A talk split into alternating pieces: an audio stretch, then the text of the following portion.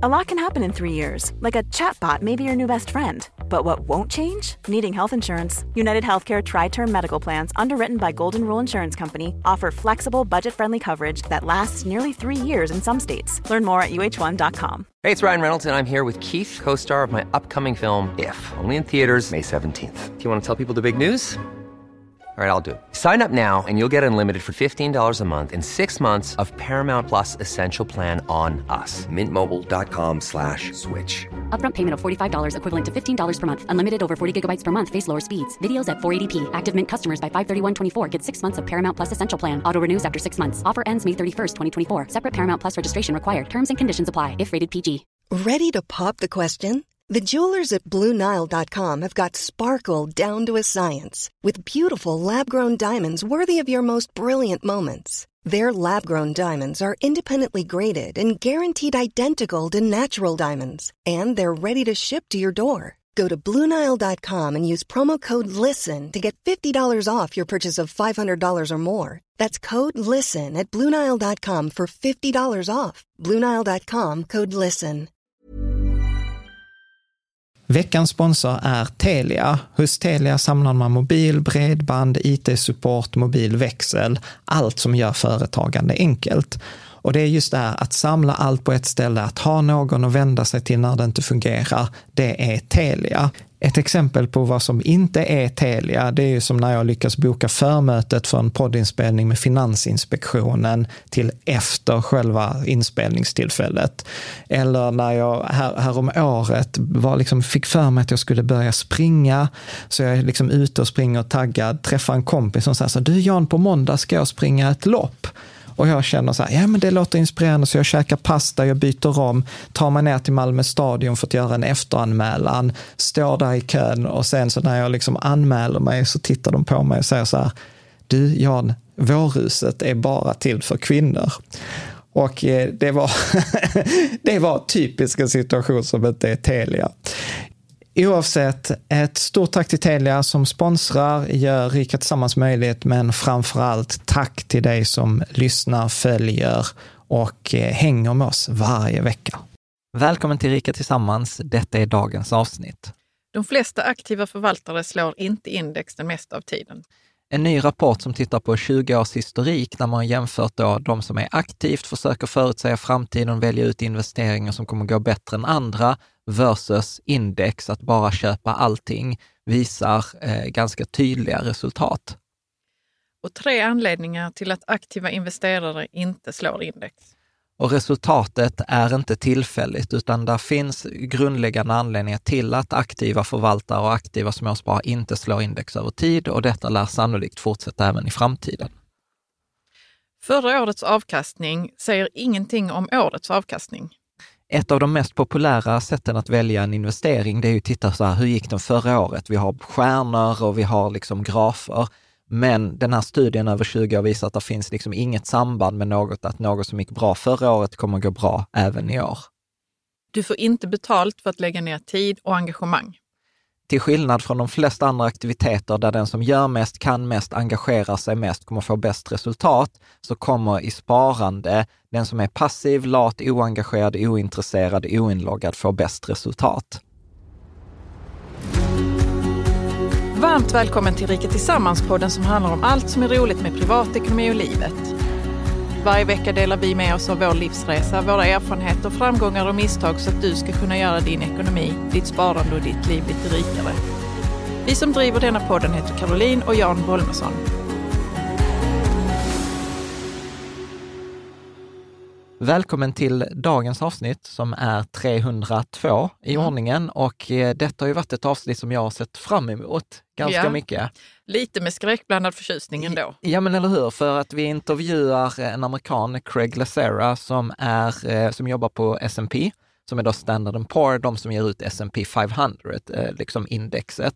Och han har de senaste 14 åren jobbat på deras SPIVA, då, som står för Standard Poor Active eller index, index versus Active. Mm. Så att de har liksom i 20 år forskat på det här, försökt hålla poängen Att liksom, hur går det för de som har gett sina pengar till aktiva fondförvaltare eh, versus de som bara köpt en indexfond och gjort så som vi pratar enligt forskningen. Mm. Och även om inte dagens avsnitt handlar om småsparande så är, kan man absolut applicera det på småsparare. Så mm. detta avsnittet är ju lite så här, det vi har försökt säga, eller det jag har försökt säga i många år, och detta är typ en av auktoriteterna på området och jag fick liksom så jobba ihop modet att ta kontakt med honom. Ja. Men vad stack ut för dig i avsnittet? Nej, men var, han pratade ju väldigt mycket och väldigt detaljerat, men det som, som jag ändå fick med mig, det var ju det att, att aktiv vinner ju typ aldrig mot passiv. Nej, precis. Alltså det är så här att man har oddsen massivt, man har oddsen ja. massivt eh, eh, emot sig.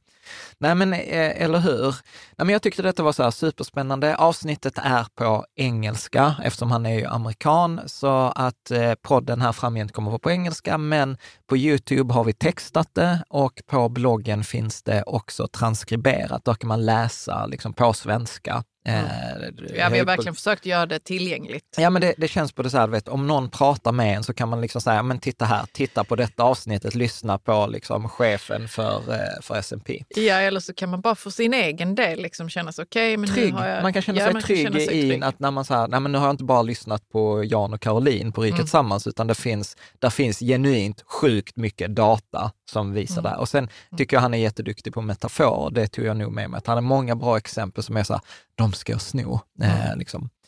Det sista jag tänkte säga innan vi kör igång, eh, S&P innan de släppte på Craig sa här, ni måste visa den här disclaimern att liksom alla åsikter är våra egna, vi, det, de gör ingen rekommendation hur man ska investera eller vilka fonder man ska välja eller någonting. Så att eh, där finns en disclaimer här också i beskrivningen och, den, eh, och så tänker jag att vi ses eh, nästa vecka helt enkelt. Ja. Och skriv gärna en kommentar för att jag, jag, jag själv är så här bara, åh, detta kan vara ett av mina favoritavsnitt, så det vore roligt att höra om ditt guldkorn, vad du tar med dig. Vi ses! Very welcome, Craig Lacera. You're the managing director at S&P and Dow Jones Indices. You're also a chartered financial analyst, CFA. You studied at Harvard and Princeton, and you've been working in leadership roles in the finance industry since 1977, which I kind of realized is before I was born. So thank you very much for joining our show. Well, I'm delighted to be here. Now, you made me feel old already, but. no, no, no, no. That, that comes with uh, experienced. Yeah. ah, good. That's better. Seasoned is a word I often use. Seasoned. Yeah. yeah. Is there something you want to add to to the no, introduction? No, no, that that's that's all that's all fine. I uh, I just mentioned that that I uh, I joined S and P Dow Jones. It'll be almost 14 years. So in uh, in the summer of 2009, and uh, have had a variety of roles there. And uh, what I do now is mainly uh, centered around research on our basic indices and factor indices, and and trying to be an advocate in the in the active versus passive debate. You can you can guess on which side. Yeah, well, and that's what we are so looking forward to, and our listeners as well. But and you work with this, you call this Spiva. Could you mm-hmm. explain what Spiva and uh, is and the purpose of it? Spiva, S-P-I-V-A, uh, it stands for S&P Indices versus Active. Uh, it's a scorecard, now 20 years old, uh, a little more than that uh, in the U.S. Uh, what Spiva does is to look at a database of actively managed mutual funds and then asked the question, another number of questions, but the primary one is uh, what fraction of actively managed funds have outperformed a benchmark that is appropriate to their investment style? Uh, so, for example, in the U.S., we'll compare large cap uh, actively managed funds to the S&P 500, mid cap funds to the S&P mid cap 400, you know, growth against growth, value against value. So, as nearly as we can make it, it's an apples to apples comparison. Um, and Spiva, as I said, has been around in the U.S. Uh, since uh, 2002, so we've a little bit past 20 years now. Um, and we've introduced it in other geographies whenever we could find a sufficiently robust database uh, to work on. Um, sufficiently robust, I should probably mention. Uh, what I really mean by that is a database that is adjusted for survivor bias. Um, what that means is if, if you were to say, uh, go out right now and say, I want to look at all the, the records of all of the funds uh, that have a 20 year record uh, and ask how have they done versus an index, you're biasing the result because you're not looking at all the funds that existed 20 years ago. You're looking only at the funds that existed 20 years ago and were good enough to survive. Uh, and uh, and so there's an automatic need to adjust for what what a statistician would call a survivor bias, and that's uh, that's a big part of what we do in SPIVA. How how come that you started this? Mm. Well, it, it's it's an interesting question, and I, I should uh, I would like to think of SPIVA, and I, I do think of SPIVA as a continuation of uh, in a long line of, of, of research by by academics and and and others. Uh, the earliest study of which I'm aware that compared actively managed portfolios to to passive benchmarks literally was published in 1932 um, or maybe 33. Uh, so it, it's 90 years old. Um, that was that was very much a, a one-off. But in the 1970s, there we began to see a number of articles, and I, I, I can, can, cite some of them for you. One of them is is is uh, relatively famous, called "The Loser's Game" by a man named Charles Ellis. Uh, another called "Challenge to Judgment" by uh, by Paul Samuelson. Uh, and and these articles and others of that of that nature, that time period, began to do the same thing then that SPIVA has done more recently, which is to say, let's compare the results of actively managed portfolios to uh, passive benchmarks. And what Ellis and Samuelson and others found in the 1970s was the same thing that we have found with SPIVA now 50 years later, which is that typically the majority of active managers underperform a benchmark that is appropriate to their investment style. That, parenthetically, is what led to the growth of the index fund industry. I mean, index indices per se have been around for, for more than 100 years. I mean, the Dow Jones Industrial Average uh, goes back, I think, to 1896. The S&P 500, in, in its current form of 500 stocks, uh, started in 1957, but its historical antecedent goes back to, I think, 1922 or 23. So indices have been around for a long time.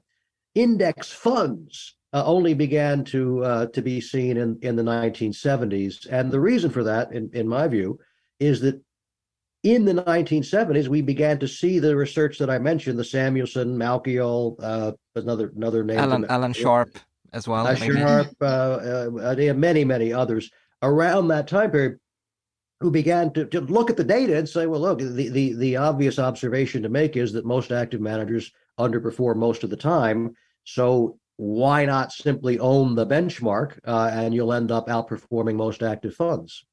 Mm. Mm. And then you release like twice a year. You release uh, what you call the Spiva scorecard. Mm-hmm. Could you could you describe it? Because I sometimes yeah. refer our listeners to your website because it's yeah. it's kind of hard to read academic uh, literature, but your homepage is like really easy. You show the world map and then you show just a yeah. graph. Yeah. So yeah. can you describe the Spiva scorecard? Sure. The, the Spiva scorecard is is simply a, I mean, at, at, at its most basic form, it tells you in a particular period of time what fraction of managers outperformed or underperformed a passive benchmark. So, for example, uh, we issued uh, less than a month ago our 2022 update for the United States. 51% of all large cap active funds underperformed the S&P 500. That's kind of the headline of of US. And then, of course, we'll look not only at not only at one year look backs, we'll look at one years, five years, five, 10 years, 20 years. Uh, we look at mid cap, we look at small cap, we look at fixed income, we look at international outside the U.S. So all of these, uh, all of these categories, if you will, uh, will be tracked in SPIVA, and and we'll report uh, uh, every six months, as you say, what fraction of managers outperformed, what fraction underperformed. Hmm. But uh, for the critical listener, how do you ensure that the this report is not biased? considering that it's coming from you who are yeah. you know uh, of your uh, an index provider index provider yes yes, yes, yes, yeah we are talking our own book i admit that um, I, I think there are two there are two two things uh, to say um, one is that the data we use we don't compile they come from in, in the case of the us uh, the university of chicago center for research and securities prices so and and wherever outside the us is always a, a third party provider we don't assemble the data so anyone who reads SPIVA doesn't have to worry about S&P just cherry picking uh, the managers that we want to evaluate. The, the managers come to us in, a, in, a, in an external database. Uh, the, the, I guess the second thing to say is uh, there's not much fancy analysis. It's just a question of here's what the returns of the managers were, here's what the benchmark was, uh, here's how many outperformed, here's how many underperformed. Um, and I guess the third thing I'd mention is that if you don't like what the way we do it, you can look at other uh, institutions that do something similar. For example, Morningstar in the U.S., uh, which is which is not a passive. I mean, they have a passive business, but is mainly an advice giver to active managers. Morningstar does a similar uh, study with similar results. Merrill Lynch often publishes a similar study with similar results. And I mentioned already, you know, things going back 50 and in, in one case 90 years of similar studies doing similar similar results. So it, it's it's you know we I like to think of SPIVA as I said as a uh, a continuation of that academic research that really got going in, in high gear in the 1970s. Yeah. Hmm. And and looking back at the, the, last 20 years, what are the most important points that you think are worth I, noting or mentioning? I I think uh, I'll mention I'll mention two observations and then and then a then a conjecture if I can. Um, the observations are one of them I've alluded to already, uh, and that is that most active managers underperform most of the time. Um, I mentioned earlier that in the U.S. in 2022, 51% of large cap managers outperformed the S&P 500. So that's basically a coin flip. That's a that's a huge improvement uh, over uh, over time. Uh, the average, if you look at 20 years of data, is something like 63, 64% underperformers. Um, the last calendar on, on a one year basis. On a one year basis, yes, on a one year basis. And we'll, we'll come to the, the, the other later. Um, on a one year basis. Um, the last full calendar year in which a majority of active managers outperformed was 2009. So it, it's been it's been a long stretch. So one important, the most important conclusion of SPIVA is that most active managers underperform most of the time. Um, a second conclusion, which we also derive, it's a companion report that uses the same database. It's called the Persistence Scorecard.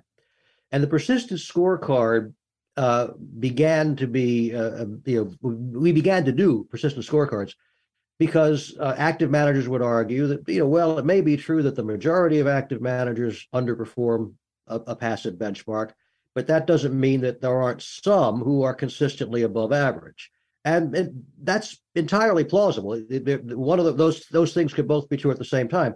But the SPIVA data give us a way to check uh, uh, or, or, to inquire at least about uh, the the assumption that some active managers are consistently above average. Uh, so what we do in the persistence scorecard is really quite simple. Um, there, there are a number of, of cuts at the data you can take. I'll, I'll just tell you one of my, my favorites most important thing about SPIVA is that most active managers underperform most of the time. The second thing uh, that is important in these data uh, comes from a, a, companion piece to SPIVA that we call the persistence scorecard. Uh, and the persistence scorecard we initiated because active managers, some active managers anyway, in reaction to SPIVA said, well, it may be true that the majority of active managers underperform, but that doesn't mean it isn't possible for some to be above average on a consistent basis. And that is a plausible statement. There's no necessary reason that that can't be true. And the SPIVA data give us a way to inquire to see uh, whether it is true or not. So that's what we do in the persistence scorecard. And there, there are many ways to uh, uh, to cut cut the data. I'll tell you my favorite uh, of, of, of the many that we that we do in persistence, and that is simply it's very simple. Take 10 years of data, look at the first five years, say, I want to identify all of the managers who are above median performer in the first five years. So you take the top half of the distribution.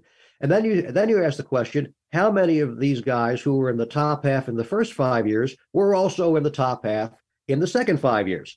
And obviously, if there is strong persistence in manager skill, uh, then you would expect a very large majority. I mean, not 100% certainly, but you'd expect a, a very substantial majority to be of those who were above average in the first five years, also to be above average in the second five years. If performance is completely random, you would expect that 50% of those who were above average in the first five years would be above average in the second five years.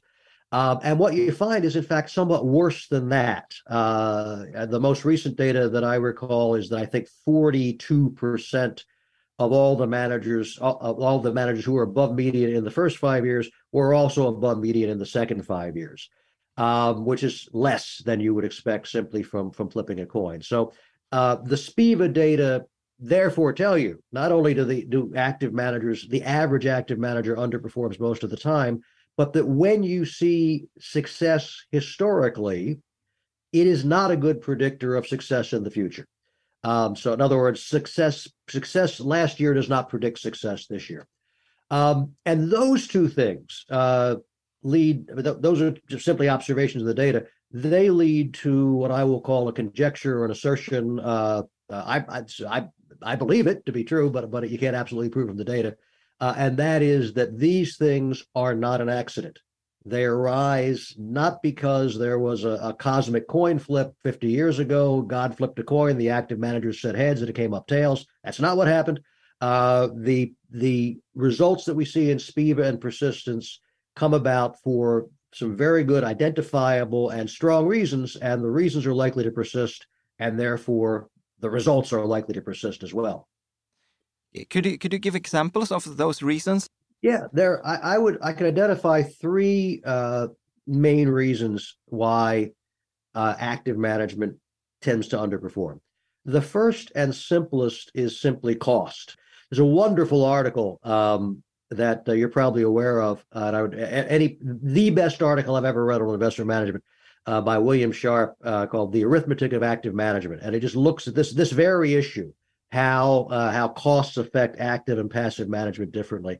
And, and he comes up with a conclusion, just not looking at data, just theoretically, and the data, of course, back it up that that the average active fund will underperform. So that's the first thing, cost. The second reason has to do with what I would call the professionalization of the investment management business. What I mean by that is that in any market, there is no source of outperformance for the outperformers other than the underperformance of the underperformers. Uh, so if you if you get a group of people in a room, say, look, if all of us in this room are are all of the investors in the U.S. stock market, if I'm going to be above average, at least one of you is going to be below average. And if if the left side of the room is is everybody who's above average, then the weighted average sum of their outperformance is exactly equal before cost to the weighted average sum of the underperformance of all the guys on the other side of the room. Uh, so that professionalization becomes an issue. Now, what that means is, and this is something that's interesting historically, um, because if you go back, say, 50 years, uh, uh, or well, 60 or 70 now, you the U.S. market was not particularly professionalized. Most assets assets were managed by individual investors, maybe advised by retail brokers. The professionals were a relatively small fraction of the assets under management. They had tremendous advantages in terms of information access, uh, ability to trade cheaply, access to management, uh, good fundamental research. Uh, all of those advantages applied to the professionals, but not to the, I, I like to call them undiversified amateurs uh, to the, to, and I say that lovingly. It sounds like a pejorative term. It's not. You know, my grandmother was an undiversified amateur. I mentioned earlier uh, an article by by uh, Charlie Ellis, uh, published I think in 1975, called "The Loser's Game," um, and it, it's it's a wonderful story of exactly what we're talking about now. In other words, the, the history in in Charlie's telling of the post-war U.S. equity market, then only 30 years old. Um, and, and, basically, he, he told the story better than I have, but he told the story of how, you know, in the 1950s, you know, the amateurs were a small group and it was easy for them to outperform. And, and then as, as the business became more and more institutionalized, um, that became less and less likely and less and less possible until you get to the 1970s when uh, management became what, what Charlie called a loser's game. That is why, by the way, in my view, invest what I said earlier, indices have been around for a long time, but index funds only started in the 1970s. Why the 1970s? Why not 20 years sooner? Why not 20 years later? Because it, by the 1970s, the U.S. market had become largely professionalized, uh, and that's where indexing started. Uh, so that's that's the second thing. I mean, cost, professionalization, Yeah. Uh, the could, could I just just Yeah, uh, yeah, yeah, I'm- thinking because I've seen these uh, studies also that the the available alpha kind of decreased, and even like Warren Buffett, he had like Mm-hmm. strong overperformance until like the two two thousands. And I think I don't know. Have you read the article by Michael Mauboussin, which the paradox of skill? Yes, yes, yeah. Because is that a factor as well? Because what he says is when the skill increases, which you, you argue, which I kind of understand that you argue, when the skill increases with the with the market participants, then the import then the importance of luck increases it because it's yeah. it's there's a kind of random element Yeah. to it. Yeah, that's Would- that's would you- that, that that's that's an excellent point. Yes, no, I think that's I think that's correct. Um, and it's it's it's funny. Uh, I, I we began to think about this. Um, I want to say probably eight or nine years ago. I was at a conference in Chicago, and there were a number of hedge fund managers there, and they were you know they were saying exactly the same thing you were saying, which is it's it's gotten so much harder. You know, the the supply of the supply of alpha seems to have gone down. Um, and I, I tell people if it were possible to, to feel sorry for a bunch of guys who make millions of dollars a year running hedge funds, you know, we all felt very sorry for them because, guys, this, is getting so much harder. Um, and so that started us to think about it. And and I think uh, here's here's our take on it. I, I think you know Mauboussin is is is exactly right in, in terms of talking about the, the growth of skill. You have to distinguish between the absolute level of skill and the relative level of skill and you, if you if I think about you know the average active manager, at least the ones I meet, which is a subset obviously, but they know a lot. They're smart people. They work hard. They're well informed. I mean, they their their absolute level of ability at valuing companies and understanding businesses is very strong. I'm sure much stronger than most than most retail investors. So their absolute ability is very strong. The trouble is it doesn't matter their Hmm. absolute ability only they, what matters in terms of their ability to outperform or underperform is not their absolute level of ability it's their relative level of ability and unless they can be consistently above average and that's difficult because of the things we've been discussing you know the supply of alpha cost uh, skewness unless they can be consistently above average they're of no value. There's a there's a fascinating article i don't usually cite it because it's, it's kind of kind of heavy going but it goes back to the 19 late 70s early 80s called the nature of the game by a man named hal arbit a-r-b-i-t and I, i've never forgotten that the, this comment that arbit made. Said most in most professional activities an average professional is perfectly good. I mean, if you're if you have a cold, an average doctor can help you get better. Or you know, if you you have a legal matter to deal with, you know, an average lawyer can probably handle it for you. Maybe even a below average lawyer. You don't always need the the best the best around. He said, investment management is unique in that the average result is available for free. Go buy an index fund. You'll get the average result. 50 some years ago, there were no index funds. Then an index alternative became available. Then people began to move money from active portfolios to index portfolios. When that happened, presumably it was the least capable active managers who lost the most assets. What that means is because remember, we said there's no source of outperformance for the winners other than the underperformance of the losers if the losers as a group get better because the worst of them have been uh, driven out of business the out uh, underperformance of the losers becomes less. And if the underperformance of the losers is less the outperformance of the winners mathematically has also to be less. So as the least capable active managers leave the business or have their assets reduced and i don't leave altogether necessarily but as they lose assets the average level of ability of the active managers goes up and it becomes more difficult to be above average. I mean, a crude analogy, I'm very fond of it. A crude analogy is that the lion catches the slowest zebra in the herd. Once the lion catches the slowest zebra, the average speed of the herd goes up. So when the lion comes around hungry next week, it's going to be harder to be at the front of the herd because the slower guys have already been, been eliminated. Um, there's a there's a wonderful story or a wonderful article I I, I when you you mentioned uh, the supply of alpha and Warren Buffett, I couldn't help think of this. Um, Charlie Munger, who's, who's Warren Buffett's partner, um, in I think it was 2018 or 19. I forget the year, uh, but no, no more, no farther back than that. I did a, a, long interview with the Wall Street Journal. They went out to his house in Los Angeles and and uh, interview. He was like 95 years old at the time, so then we we've got to go soon. We can't wait, you know, can't can't wait 10 more years. Uh, so they went out to interview. And he's he's fascinating man, just really really really interesting. And most of the article was about his interests other than about investments. Uh, I mean, architecture, philanthropy. It's really just a wonderful read. The article is called Charlie Munger Unplugged. So anybody can, who wants to can find it. But of course, at some point they asked him, well, you know, Charlie, how have things changed since you and Warren started in business? And like this goes back to the 1960s. And he said, oh, it's much, much harder. They said, when we were young, we had idiot competition. And, and idiot competition is a direct quotation.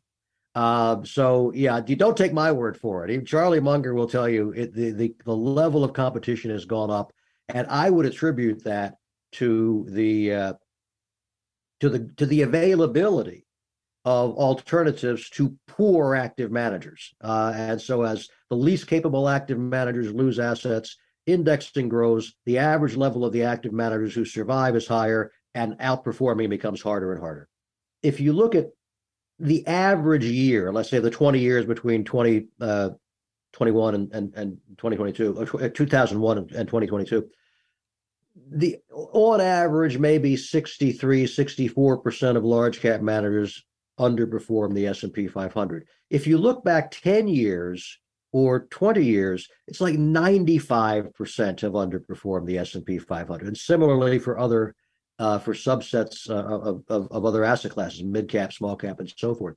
So performance gets to be much, much harder. Outperformance, I should say, is much, much harder as the time period lengthens.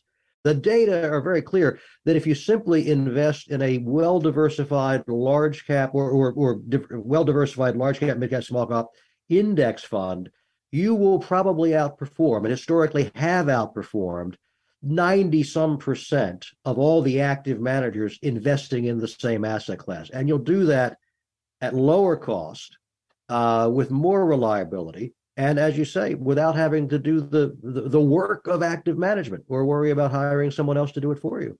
I read this as a, there was some American uh, bond manager who called this strategic mediocrity that his goal wasn't to be the top because if you were in the top you had to take some risk which sooner or later blew you up. So his goal was to be, I think, top 20%. And then he realized if I'm in the top 20% for the next coming 10, for the next 10 years, I'm going to be in the top 10%. And I was like, this is brilliant. oh, yeah. Yeah. No, you don't it's it's even it's even easier than that. But that that's correct. I mean, the if if you if you can be uh, a little above average um, pretty reliably year to year, you're going to be way above average when you when you come back uh, five or five, you know, ten or ten or fifteen or twenty years from now. So no, it's it's and see that's one of the problems uh, or one of the challenges I think that indexing has is that it does give you the return. It, it gives you the the market's return, gives you the average return of of the dollars that are invested in, in the U.S. market or whatever market it is gives you the average return of the the average dollar invested in that stock. And of course, uh, uh, uh people say, "Well, I want to be above average. I want to be above average," and, and so therefore they'll they'll reach for this extra return. There was a wonderful interview. I mentioned Charlie Ellis earlier. Was a wonderful interview uh, that I saw Charlie give some years ago, and this very thing came up. Someone someone said, "Well, Charlie, don't people don't they want to be above average?" He said, "Of course they want to course people want to be above average. And, and that's you know one of the things that's led to human growth and flourishing is the desire of people to improve themselves. He said and the good news is if you simply put your money in a low cost comprehensive index fund you are almost guaranteed not only to be above average but to be in the top quintile uh, when you go back uh, and look at your results 10 or 10 or 20 years from now. Uh, and and that's that's that's true there's a there's a third reason we, we mentioned earlier. We are talking about why is it that that that the SPIVA results are the way they are. There's one that kind of comes right directly to this point. Um, the first two reasons, of course, were per- cost and professionalization. The third reason has to do with with what I like to call skewness. Uh, sounds complicated, really not. You know what a bell curve looks like. Obviously, you know, half the observations above the mean, half the observations below the mean. Stock returns don't look like that. Uh, and you might suspect that that's true because a stock can only go down 100%. It can go up 100, 200, 300. So there's a naturally what statisticians call a, a positive skewness or right skewness. If you do it, if you plot the graph, there's a long tail to the to the right uh, to the right side. Um, and that's very common. If, if, if we had, you know, 100 people in a room and we took heights and weights, I guarantee it's skewed to the right because you know, nobody's much shorter than five feet taller. There's somebody who's six feet three going to pull the average up. You know, it, it just it happens all the time. Very common. Um, but it, but it also happens with stock returns. So if you look at individual years, uh, I think we have 31 or two years of data for the S&P 500. Um, and I think in 27 of them, returns are skewed to the right. A, a good quick measure of that is to say, is the average bigger than the median? If the average is bigger than the median, it got to be that way because some big observations are pulling the average up. So that's that's a good that's a good one. And by the way, it's not a U.S. phenomenon. Europe, Australia, Asia, they all look they all look this way. I've never seen a market that doesn't look this way. Um, now, where you really see it, however, is over a long period of time. So if you look, for example, at the 20 years ended uh, in 2022 for the S&P 500, look at all the stocks that were constituents of the S&P 500 only for the time they were in the index. If they came in or went out, we only count them while they were there. Um, the median stock was up 91%. The average was up 300 and some percent uh, because you have some really strong performers pulling the average up. Over that 20 year period, only I think 18% of the stocks in the index outperformed the index. Now, what that that means two things. Um, one one thing it means, and it, it comes back to the to the SPIVA issue, is that I would have thought before looking at data like this that uh, if a manager could consistently pick stocks that were above median, eh, great, he'd end up above above median. Uh, above average. Uh, not so, because it's actually much harder than that. The average is much higher than the median, especially over long periods of time. Uh, so that's that's the first thing. It helps explain why the average manager underperforms, and and then secondly, it comes back to the to the point we were making earlier. Uh, over over short periods of time, a year, yeah, typically a majority of active managers out underperform the market. Over long periods of time, twenty years, uh, or so, then the overwhelming majority uh, uh, underperform. And I think those two things are, are connected as well. One size fits all seems like a good idea for clothes until you try them on. Same goes for healthcare. That's why United Healthcare offers flexible, budget friendly coverage for medical, vision, dental, and more. Learn more at uhone.com.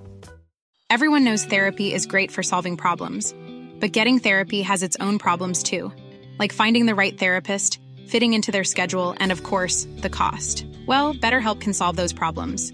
It's totally online and built around your schedule. It's surprisingly affordable too. Connect with a credentialed therapist by phone, video, or online chat, all from the comfort of your home. Visit betterhelp.com to learn more and save 10% on your first month. That's BetterHelp H E L P. There's never been a faster or easier way to start your weight loss journey than with PlushCare PlushCare accepts most insurance plans and gives you online access to board-certified physicians who can prescribe FDA-approved weight loss medications like Wegovy and Zepbound for those who qualify. Take charge of your health and speak with a board-certified physician about a weight loss plan that's right for you. Get started today at plushcare.com slash weight loss. That's plushcare.com slash weight loss. plushcare.com slash weight loss. I haven't thought of it about that way, but you're, you're rationally, logically says, yeah, that makes sense. Yeah, yeah it does. we did it. There was a there was an art. This this discussion as it comes up with me. There was a uh, there's a fund back in the 1990s. Um, I won't I won't mention the name, but it, it, it uh, the name of the fund company with 20 after it owned 20 stocks. And this this fund did really really well because they were basically 20 technology stocks. So it did really really well uh, in the in the late 1990s. Got lots of assets into it, and then of course you know what happened to technology, and the fund began to do very very badly. And everybody in the late 90s said, well, this is evidence that what you should do is is be more concentrated. That's why it's doing so well. So I, no, it would have done almost as well if they just bought the technology sector as a whole. But but, but that's what was driving it. Was not Yeah, the exactly. concentration. It Yeah. was the it was a lucky sectoral bet. And the same argument comes up uh, every 20 years or so. We begin to see it. Uh, my colleague Tim Edwards and I did a paper. Oh my goodness, it's probably seven or eight years old now um, because we we had seen some of this discussion about you know you should be more concentrated, and we, we called the paper "Fooled by Conviction," which I summarizes what what we thought of the idea. But that's one of the reasons is is this this skewness idea. Yeah. If we go back to, you said earlier, most active managers underperform most of the time. Is this true for institutional managers as well? It is. Um, we have the, the original SPIVA database, it, when the, the current database is is mutual funds. Um, we we've done a couple adjustments to allow for the possibility that you know uh, that other you know non mutual fund investors, say pension funds or, or otherwise, um, uh, do better. Um, there's an institutional version of SPIVA. Now the data there are much harder to come by because um, SPIVA, you know, mutual funds are required by law to report their results. It's easy to get a, a survivor adjusted database. Can't really do that as easily with pension funds, but we've done it uh, where we can using you know, the best database we can find, and the results are very comparable to SPIVA.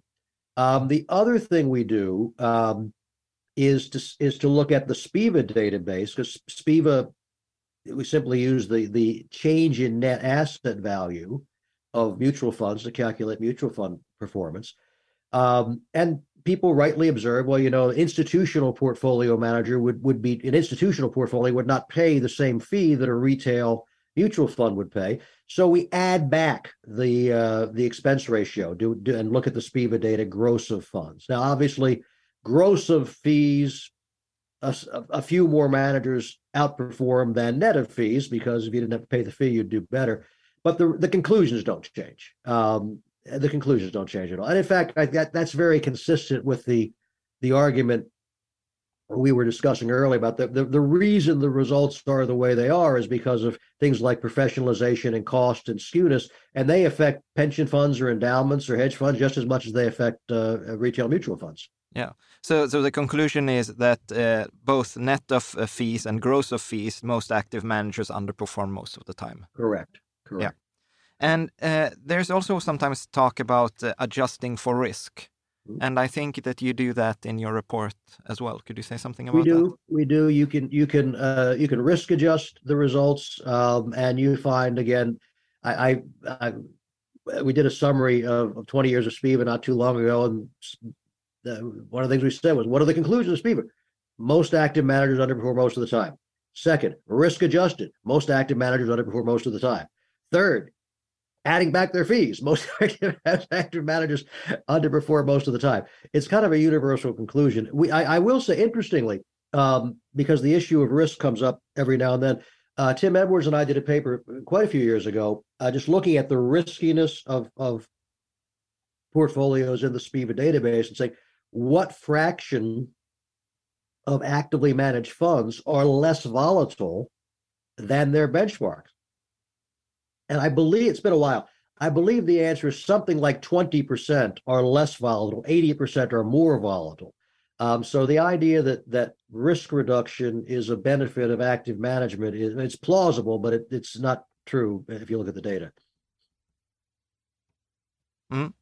Cool. And and you also said that I think in this uh, 20 years assessing SPIVA, which you did with Tim Edwards, you also wrote that the tendency for underperformance typically rises as the observation period lengthens. I know that you said it earlier, Yes. but it's so it's not uh, the, the the longer period we have, the more conclusive the results are. One could say. Yes. Yeah. Yes, absolutely. Mm. Yeah. Absolutely. Uh, could I just one more? Uh, I know what what I've been missing is that sometimes uh, we talk with uh, our community, and there are like a lot of retail investors, and they say, "Oh yeah, but these studies are for institutional managers and they are for fund managers, but I'm a retail investor, so it doesn't apply to me." And I'm like. Ah, I wouldn't draw that conclusion. what, what, Uh, what's your opinion? You know, it it absolutely applies to you. I mean, it, it you you may choose to ignore it, but it it it it it it certainly applies to you. The SPIVA database uh, and and the equivalent databases all over the world uh, are are drawn from from mutual funds that are available to retail investors. Uh, there's you know there, there's no data of which I'm aware uh, that in, in, any market uh, that says the majority of active managers in this particular market uh, are likely to outperform. And, and what, what I say to people, retail or institutional, is always because some people want active management. There's nothing wrong with doing active management if you want to do it with your own money, but realize the odds are against you. That's all. That, and that's what that's what SPIVA and persistence is saying. Was what 90 years of research is saying. The odds are against you. But why do you think that most managers and investors still try to beat the market, ah. even though research says they it's impossible? No, it's the not impossible, are, the, but the, the odds are against. Them. The you. odds are against them. Yeah, I think I think there, there there's two separate answers. One is why do the managers do it, and why, and, and the second is why do their clients permit them to do it.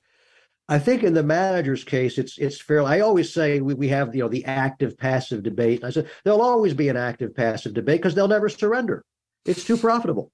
Uh, it, but also it's because a, it's instinctual to humans, as you said before. Oh well, um, that, that's. I mean, I'm speaking of the managers themselves. Uh, yes. Not not not the clients. Now we come to okay. The, it's a profit. It's a very profitable activity for the managers, even if they're not successful uh, in in, right. in investment terms. They can be successful financially for themselves. That's that's one thing. Now we come to the clients. Why is it that clients want to believe in in active management? And I think it comes back. Uh, now I'm obviously I'm speculating, but uh, I think we're instinctively, you know, hardwired somehow to believe that the past predicts the future. Um, and from an evolutionary standpoint, I, that's probably a really good, you know, bias to have because you know, I know if I go back to, to to London one day, they will drive on the left side of the road. Why do I know that? Because last every time I've been there, that's the way they do it.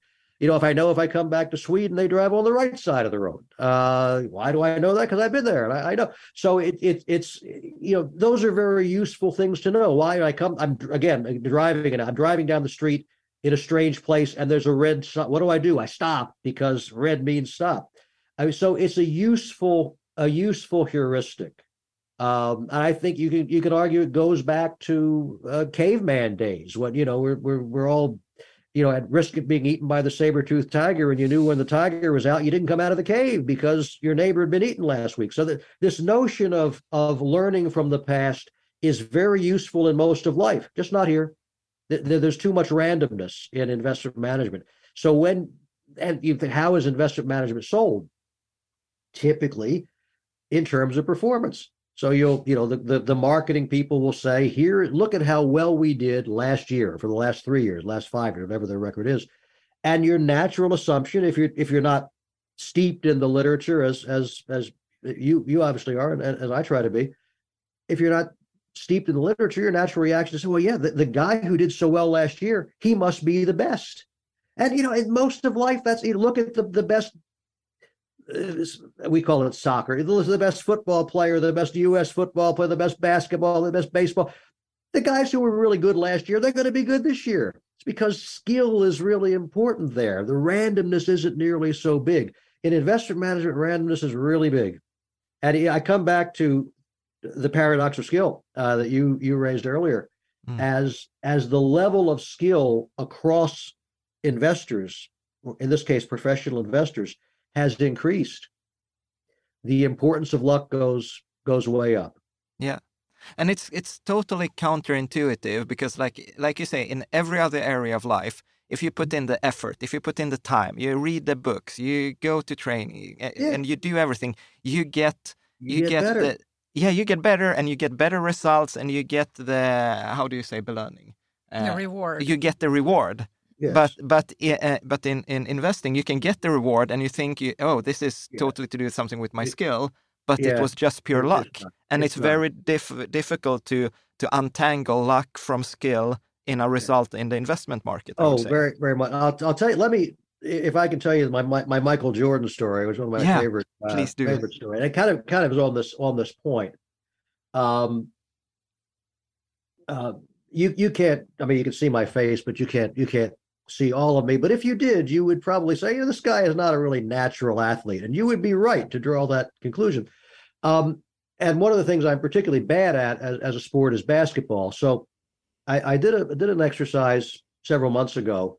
Uh, it may not be the best thing I've ever written, but I think it was the most fun. Uh, it was about shooting shooting baskets with Michael Jordan. Now, Michael, for those of you listeners who don't know, Michael Jordan arguably is the best basketball player who ever played basketball. He's certainly in the top three or four. Uh, no one would argue that. Um, and so we're gonna we're gonna have a contest where I am gonna shoot free throws, just you know the equivalent of penalty shots in, in football. I'm going to shoot free throws against Michael Jordan. So how likely is it that either one of us will succeed? Well, there are statistics on Michael Jordan and his playing career. He made 83.5% of all his free throw shots. I, I, was amazed that you could Google that. There, there it is, 83 and a half. I thought I'd have to make up a number. I don't know. There it is, 83 and a half for Michael Jordan. And I, I don't have a baseline for myself, but I thought, well, if I practice, let's say I can get up to 20%. So here we have these two contestants. There is a huge discrepancy in skill 83 and a half versus 20. So we step up to the line. We both make our first shot. There are four possible outcomes. We both make it. We both miss. I make mine and he misses. Greatest athletic achievement of my life, if it actually happened. Um, and the most likely outcome, he makes his shot, I miss mine. Now, given the probabilities that we that we said, the the most likely outcome, about 67% probability, is that he makes his shot, I miss mine. So after one round, 67% chance that Michael Jordan is beating me. But that means there is a 33% chance that I'm holding my own, which is ridiculous. There's no there's, there's, there's no chance that I'm as good as this guy. But on a short observation period, one chance in three says I'm holding my own against Michael Jordan. Now we do two rounds. I think my odds drop to like five percent. In three rounds, my op, my round my odds dropped to you know one or two percent. After that, I didn't bother computing uh, because what that means is over even over a short period is three you know three shots. Over time, luck diminishes. The only way I'm even with Michael after one round is luck. I get lucky and he gets unlucky. Over time, luck diminishes, skill persists. Uh, and so when we look at the SPIVA results back in time, why is it that in a one year period, maybe on average 65% of managers underperform, 35% outperform, but only 5 or 10% outperform over a, a, 10 or 20 year period it has a lot to do with the, with with the skill versus luck luck may help you in a single year it's not going to not going to help you for 10 years straight can can you summarize this like that uh, above average past performance does not predict above average future performance? Absolutely. Absolutely. Yeah, i think you even wrote in some article that poor performance continued to, to be a reliable indicator of future fund closures that that oh, was oh, yeah, basically that's clearly true. If you if you look at if you look at the SPIVA data and you say you go back 20 years and say you know what can you say that that that that the that the past does predict? Well, you know, fourth quartile funds are much more likely to close than top quartile funds, yeah. which is why you need to adjust for survivor bias, obviously. Obviously, uh, th- this is like a kind of a personal question because sometimes I, I feel like you're saying I, I have the da- data, I'm in, I'm talking to people, or I'm doing a lecture, and it's almost most fun within the finance industry because then then people say to me, so look, I've read the same research. I agree with you. Most people should do this, or most fund managers should just uh, like do index funds. But uh, I don't want. Uh, but uh, I, am But I'm better. yeah, I'm better. I've outperformed the index, or I want to give myself the opportunity to do, do this. What What do you say when you uh, get into those situations? Well, I, as I said earlier, any any investor who says I think I can outperform, I mean, there's no theology that says it can't happen, uh, but the odds are the just the odds are against you. Realize that. If you if you have a manager who says, you know, historically I have underperformed, I mean, look very carefully at the. Some have, you know, even over 20 years, you know, five or 10 percent has. It's not it's not certain that he's lying, uh, but be very careful uh, in looking at, at performance data. I'll tell you one one thing that particularly uh, investors should be wary of. Um, and it actually comes from a, I, I did a series of blog posts uh, years ago called "Performance Trickery." Um, like they're, they're I'm up to part four now. Haven't added to it for a while, but, but the very first edition of "Performance Trickery" said what happens, and I, I actually put some numbers down, made them up. Um, let's suppose you have a manager who has really kind of a mediocre record. He's up a little, down a little. He's basically uh, underperforming by a modest amount for for ten years, um, and then he has a really good year what's he going to show you when he markets his fund? He's going to show you his one year record, his three year record, his five year record, his 10. He's going to show you all those periods, all of which include his single really good year. And he's going to say, Look, I've done well over 10 years, I've done well over five years. He's not lying. The numbers are what he says, but he is tricking you because the implication of what he's saying is that he has consistently done well the facts of the of the in the in the history are he's done well once. But he's done at but but he and he's using that as any as any good salesman would. He's using that to say look i've done well on a one year two year three year trailing basis. So the, the message of, of the, the performance trickery blog is when you have when somebody gives you 10 years of data look at individual years. Always disaggregate. You can you can hide a lot of stuff when you aggregate data. Don't, don't you don't have to you know but you don't have to. Mm. Are there any other trickeries like this? Well, there there are a number of there are a number of others. There's some the, the other one that comes immediately to mind is um, is occasionally managers will say, I'm going to present data not on a, a one year basis, but I'll, I'll show you like rolling three year periods or rolling five years. So I, I have a you know a 10 year record. I'll show you every rolling three year period. So why do you do that?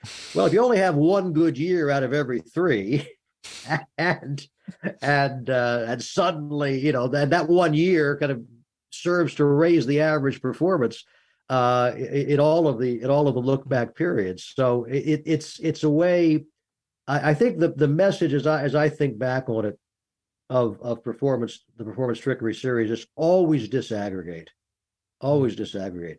The, the final one, this I owe to a to a, a professor at Harvard. I heard her give it in a lecture is to say understand that a lot of fund companies will will incubate or just have very small uh, portfolios, their own money, and they might try you know ten different strategies, um, which are quite different. And you uh, you come to the end of a three or five year period and say, well, which of these ten strategies has done well? Let's say one of them's done really well. Guess what fund they launch? It's, it's that one. So you, you just you just need to be careful about the way people use use data and and be look if you if you keep in mind that for at least 50 and arguably 90 years every bit of of objective academic and practitioner research that's that's hit this question has found that the average active fund underperforms passive benchmarks you keep that in mind let that be your your, your touchstone you won't go far wrong. Um, and if you and if you choose to say, I think I think I can be better, good luck. I, somebody will. Uh, but but realize the odds are against you. Yeah, definitely. Carol. Mm. Okay, so we have uh, a, a, few people in our community that wants to ask some questions. Andre Granström asks, "What is, in your opinion, the largest flaw with index investing?" The largest flaw. Are there not any downsides with yeah. investing oh, in an well, index fund? The my favorite is that it's boring. oh well, that that's clearly true. Yeah, I mean from the from the standpoint of of both buyers and sellers of investment management, I think yes, yes, it's it's it's boring. It just you know you you'll never you might own you know in some proportion the best performing stock um, you may also own in some proportion the worst performing stocks. You'll never be able to tell your friends about the great, you know, the great buy you made, you know, last month that that doubled already. Um, so it, it's it's interesting. There's I have an old professor friend named uh, Meir Statman who, who, who writes about motivations of investors a lot. He's a behavioral finance guy. And he said there are really three reasons that people buy investments, not investments of any sort. One of them is he calls utilitarian, which is what we've been talking about. Does it go up? You know, how does it do? He said a second is uh, expressive. You know, you want to buy something because of, of, of what it says about you, mm-hmm. what you think it says about you. And the third is uh, he calls it emotional. I, I, I kind of blend emotional and expressive together. Uh, maybe I shouldn't do that, but but there are all sorts of motivation. Index funds appeal to the utilitarian. They do not particularly appeal to the expressive. so, you know that that may be that may be part of it. Mm definitely. Uh, there's also an issue that sometimes is raised. I think you mentioned it in one of your blog articles the other day, which is kind of uh, what happens if all the money goes into index funds? Like, do we have like a peak passive and market efficiency situation? Yeah, yeah that is that is a fascinating question. Um, I think let me just to set a baseline. Our estimate, you have to guess because there's no, really no good data on, on this. Our estimate is that, let's say, between a quarter and a third of the U.S. market today is in index trackers. Um, when I say index trackers, I mean comprehensive cap weighted indices, so S and P 500, Russell 1000, thing, things like that. Um, not counting factor indices or what some people call smart beta, um, because they have a, a, little bit of a different uh, cast. So that's that's where we are now. And then you ask approximately where we are, and then you ask the question, um, what implication does that have for market efficiency? And to answer the question, you have to reflect on the fact uh, we have to do two things. One is we, we've mentioned this already that the fact that a quarter to a third of the market is indexed means that a quarter to a third is no longer under the control of the least capable active managers. So the, the fact of this body of, of index money has raised the average ability level of the active managers who, who, who are the who are the people who ultimately keep the market efficient by their active trading. And now we come uh, to the second point, which is how much active trading do you need to do in order? Does there need to be in order for the market to be efficient? So we've asked, we, we, published about this, and asked the question a number of times to say, well, the thing you have to keep in mind is that active portfolios turn over at a much higher rate than index portfolios. I mean, in a in a heavy turnover year, the S and P 500 might might turn over five percent. Um, so uh, there's much more trading in, in active management, actively managed funds than there is in index funds. We did a, a model of this. You can do it many different ways. Just saying, let's suppose the average active fund turns over. I think we said 50% per year and the average index fund turns over at 10% per year. Both of those estimates are really conservative, at least by US standards. Uh, so that if you if you say that or make any set of assumptions like that, if you do that, then you can then you can compute for any given level of index assets what fraction of the market uh, what fraction of trading is done by index funds. So if you say that 20% or 25% of all the assets are run by index funds, that means that roughly seven or eight percent of all the trading is done by index funds. 93% is still done by active managers. On those assumptions, you can get index assets up to something like 80, 82, 83% before active trading drops below 5%, 50%. So the, the majority of trading for the there's a very long runway ahead uh, in which the majority of trading can, can, will still be done by active managers, uh, even if uh, the majority of assets uh, become uh, fully indexed. Now, if you ever got there to a point where, you know, let's say, you know, 95% of assets are trading, very little, very little trading by active managers, what you would expect then is a self-correcting process because then there would be much larger rewards if if the market is inefficient. The thing active managers keep the market efficient. When I say efficient, I mean uh, keep prices close to fair value, right? So it's active managers whose whose self-interested trading produces that. You know, they, they they they say a stock is overvalued, they sell it. The stock is undervalued, they buy it. If there aren't enough active managers to do enough trading to to keep prices near fair value, then the rewards to active management will go up.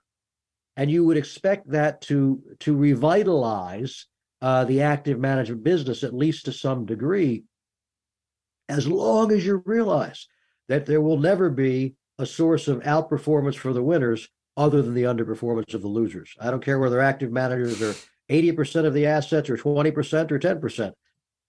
They're they're trading among themselves. Yeah, exactly. Yeah, so so the money would flow from index funds into the active managed. Or, or I, I, more like the, the the flow into index would slow down and stop. That that's yeah. likely what happen. Yeah, yeah, probably. Uh, also, we got a question here from Andre also on on your views on smart beta factor systematic funds, but uh, you wrote actually, I think just a couple of days ago, uh, or maybe a week or two, the um, a collection of factors, and then you wrote like this: traditional investors think of portfolios, whether active or indexed, as collection of stocks. We can equally think of portfolios as collections of factors. Could you say something about that? Yeah, yeah. I, when I say factor, uh, I mean, I'm in the academic sense, so a, a, an attribute with which excess returns are, are thought to be associated. So if you, you would say it in in uh, like yeah, what, what kind of fa- if if yeah, if, what if, kind if, of factors are that? Yeah, well, now now we got nerdy. Uh, yeah, yeah. Um, good example. Fama and French, the two professors, uh, did a study, I mean, 30 years ago now, uh, saying small size and cheap valuation are factors of return. In other words, they are qualities with which excess returns tend to be associated. Uh, low volatility, I, I, we've written about that a lot as a factor of return. Momentum, sometimes regarded as a factor. Uh, quality, uh, strong balance sheet profitability, sometimes regarded as a factor. Um, factor, and, and so as you think about a portfolio, and I, I go back to my younger days, many years ago, when I was a, a, a budding portfolio manager, and you'd look at the way active managers describe their portfolios, it would be a portfolio literally of stocks, but really of stories, because they could tell you, you know, a story about why they own each of these stocks. This this company has great value, you know, great new product pipeline. This is a turnaround with a good new management. There's there's there always there's always a story. There's a reason. They'll call it an investment thesis, which is a perfectly good thing to call it. But there's always a, a thesis, a story. Uh, so that's what act. That's how active managers think of their portfolios. And when I became uh, interested more in systematic quantitative management, I began to realize you could equally well say that uh, the same portfolio is a collection of exposures to various factors. It has a certain tilt towards smaller companies, has a certain tilt toward cheaper companies or more expensive companies, a tilt toward higher volatility, lower volatility. Um, and those things can be very powerful engines in explaining the performance of uh, of active funds uh, or of, of individual stocks or of of, of uh, factor indices. Um, you mentioned uh, factor index or, or, or, smart beta, and I, I, might as well say no. I hate the term smart beta. I just despise it. Um, and the reason for that, I have a reason. That. The reason for that is that to call an index a smart beta index implies that there are other indices that are kind of dumb beta, like the S&P 500. Is that dumb beta? Well, I, it outperforms 90% of all active managers. Is it really that dumb? I, it mm. seems pretty smart to me. But what people, with factor indexes, and, and I give a good example, low volatility. We have one of my favorite indices, S&P 500 low volatility index, the 100 least volatile stocks in the S&P 500. Uh, I own it myself. I confess, I admit, admit my bias. Um, I had a small role in helping to design it. Um, what do I say about low volatility? It's designed to give you not the return of an asset class like the S&P 500 or the return of a sector like technology or utilities or whatever. Designed to give you a pattern of returns that is less volatile, hence the name, uh, on both the upside and the downside, which means that in a rising market, it will probably underperform. In a falling market, it will probably outperform. I personally like that pattern of returns. Other people might not, but I I I like that index because it gives me a pattern of returns that I find particularly congenial. And what I've always said about about uh, I think in the collection of factors piece and some other other work we've done is that a factor index can very reliably give you access to a factor. A low volatility, if you look at, again, take that example, I'm, doing some work on it now. If you look back over time periods as, as short as, as two years, uh, there is no two-year time period when S&P 500 low volatility has not been less volatile than the S&P 500. There are none. Mm-hmm. Um, there are plenty of two-year time periods when low volatility has underperformed the S&P 500. And the same could be said, you know, mutatis mutandis, of, of other factor indices. So what I always tell people about factors is you should think about investing in factors if the factor itself is something that you mm-hmm. find attractive, find congenial. If you view the factor as a means of outperforming, even if you're right in the long run, and I, am happy to, I've made arguments, and, and I'm, I'm, on record saying, I, yeah, low volatility has a good record. There's good theoretical and empirical reason to believe it will outperform over time. But you're much more likely to have buyer's remorse if you buy it for performance than if you buy it for the the, the nature of the thing in itself. Mm. Well said. Well mm. said. I, I really like that. I think we're gonna ra- uh, round off. Uh, is there is there a question we should have asked? Is there something we some area we didn't cover which you find no, interesting I, I or think, important? Um, no, I think I think you've got them all. I mean, the uh, I mean, we, we talked about Michael Jordan. That's very important to me. We we talked about the uh, the, the lion catches the slowest zebra in the herd. So no, those are those are those are those are important points. But I think you got them. Yeah. So so uh, a question we ask all our guests on our show is like, What's the worst financial advice that you have enco encountered during these your career? Oh my gosh. Um, I think, and this this won't surprise you given what we've talked about earlier. I think the idea that you can outperform, uh, or that more likely by somebody selling to you that I can outperform, that he can outperform, is is very bad advice. It's it's occasionally true, uh, which makes it kind of pernicious because uh, it's it hard to resist. But as I said earlier, the, the, the best, if you keep in mind the, the odds are against you, and if you if you choose to believe that a particular manager or you yourself can outperform, uh, the odds are against you. You may be right, but you're but you're you're, you're taking a low probability bet finally, so you have already given some tips of uh, studies or articles. Uh, is there any other book or uh, papers like a study that you really like would like to okay. recommend? I, I, and it can be a non-fiction and uh, non, a non-fictional well, book. I'll, I'll, give you I'll give you a, a book recommend. I mean, professional books. Yeah. I mean, I've mentioned some articles. Uh, I think The Loser's Game, The Arithmetic of Active Management are, are two of the best, the very very best. Um, Hal Arbit's The Nature of the Game is is is, is more turgid, but it, but it's got some good insight. And for a book, just kind of a history of uh, of indexing, uh, there's a book called Trillions by Robin Wigglesworth, who writes for the Financial Times. Very good. Came out about a year, year and a half ago. Um, but really, really quite good as a history of, of how indexing came to be. Thank you. Thank you. Thank you very much for joining our show. Uh, it was really, really appreciated. I know uh, we've been looking forward to it. The community have been looking forward to it and we hope that we might uh, come back in the future and uh, ask follow-up questions and talk about absolutely. new SPIVA scorecards. Yeah, absolute pleasure to be with you. I appreciate it uh, very much.